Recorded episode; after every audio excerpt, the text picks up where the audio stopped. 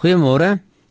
Lekker om so vroeg in die môre te begin en die Here se woord oop te maak en ek gaan in hierdie paar oordeenkings hierdie week 'n bietjie praat oor Nehemia 1, sommer net die eerste paar verse. Ons almal ken die verhaal baie goed.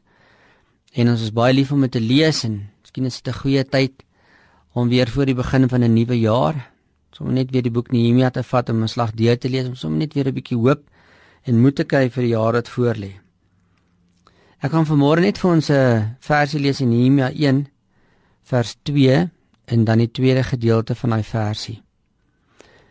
Waar ehm um, Hanani, een van my broers, sê Nehemia het my saam met ander persone uit Juda kom besoek.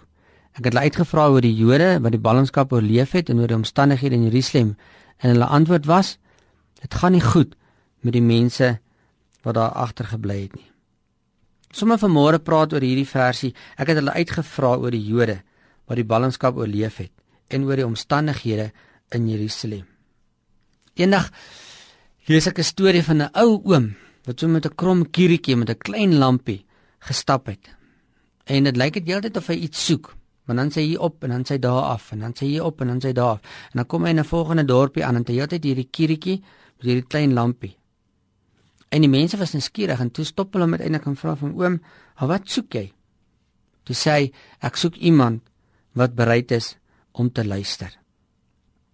Ek soek iemand wat bereid is om te luister. En dit het my laat dink aan Nehemia toe hy gesê het, "Ek het hulle uitgevra oor die Jode."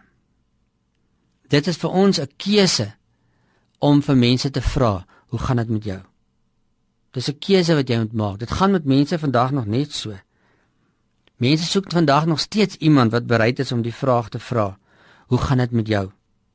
Hoe voel jy vandag? Dit is Christen wees. Christen wees is om na iemand toe te gaan en hulle te vra: Hoe gaan dit met jou? En 'n bereidheid om te luister na daai persoon se omstandighede. Jy het ook daardie behoefte. Ek praat nie net van ander mense nie, ek praat ook sommer van my en jou. Ons het ook 'n behoefte dat iemand na ons moet luister met wie ons vandag te doen mag kry. Oog tot oog en mond tot mond. En nie alleen met onpersoonlike sosiale media nie. Moet ons vandag bereid wees om te sê ek gaan stop tot stilstand kom en vir iemand regtig in die oë kyk en vra, "Hoe gaan dit vandag met jou?" Miskien loop jy vandag iemand raak wat dit vir jou wil vra. Here, vandag wil ek net in een iemand spesiaal belangstel. Amen.